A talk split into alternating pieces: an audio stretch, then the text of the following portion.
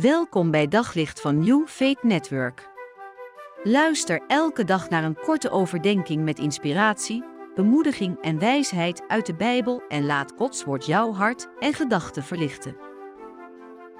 Het thema waar ik het vandaag over wil hebben is een thema wat heel veel in de Bijbel voorkomt. En ik lees om te beginnen een tekst in Matthäus 5, vers 16. En daar staat het volgende: Laat uw licht zo schijnen voor de mensen, dat zij uw goede werken zien en uw Vader, die in de hemel is, verheerlijken. Licht is een thema wat veel in de Bijbel voorkomt. De Bijbel spreekt veel over licht. De Bijbel zegt ook dat God het licht is.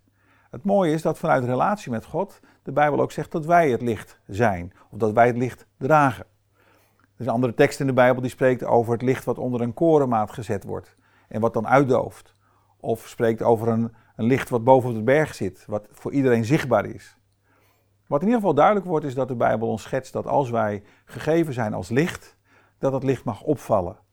Dat is ook de karakteristiek van, de, van het licht. als je in, in, een donkere kamer zit, vroeger had mijn vader nog een uh, donkere kamer waar we foto's ontwikkelden. En ik vond het als tiener enorm boeiend om in die kamer mee te gaan en te zien hoe die foto's tot stand kwamen. Maar de eerste minuten van die donkere kamer dat we erin zaten, dan gingen alle deuren dicht, de ramen werden dicht gedaan en dan probeerden we te ontdekken of er nog ergens een lichtje door een klein kiertje kwam, want dat had invloed op die foto's. Nou, zo is het met de kracht van licht. Het licht dringt tot het grootste duisternis door en dat is de roeping van ons leven.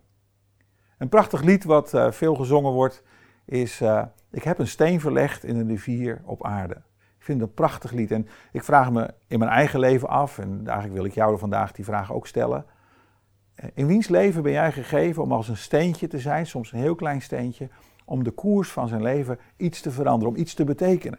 En ik geloof zo dat we gegeven zijn, dat we met elkaar op aarde zijn om iets te betekenen in het leven van een ander. Mensen vragen zich vaak af, waar is God dan? Als er rampen gebeuren of moeilijke dingen, ja, ik heb niets van God gezien. En hoe mooi is het dan als wij met elkaar beseffen dat wij aan deze wereld, aan de mensen in deze wereld, aan elkaar gegeven zijn om een stukje van God, om een stukje van het licht van God te vertegenwoordigen naar elkaar. En als, zoals deze tekst zegt, als we dat gaan doen, dan gaan mensen iets van God in ons zien, in ons ontmoeten. En dan gaan ze uiteindelijk God, die in de hemel is, verheerlijken. Een prachtige uitdaging voor jou en voor mij. Op zoek naar nog meer geloof, hoop en liefde. Op New Network vind je honderden christelijke films, series en programma's. Nog geen lid? Probeer het 14 dagen gratis op newfaithnetwork.nl.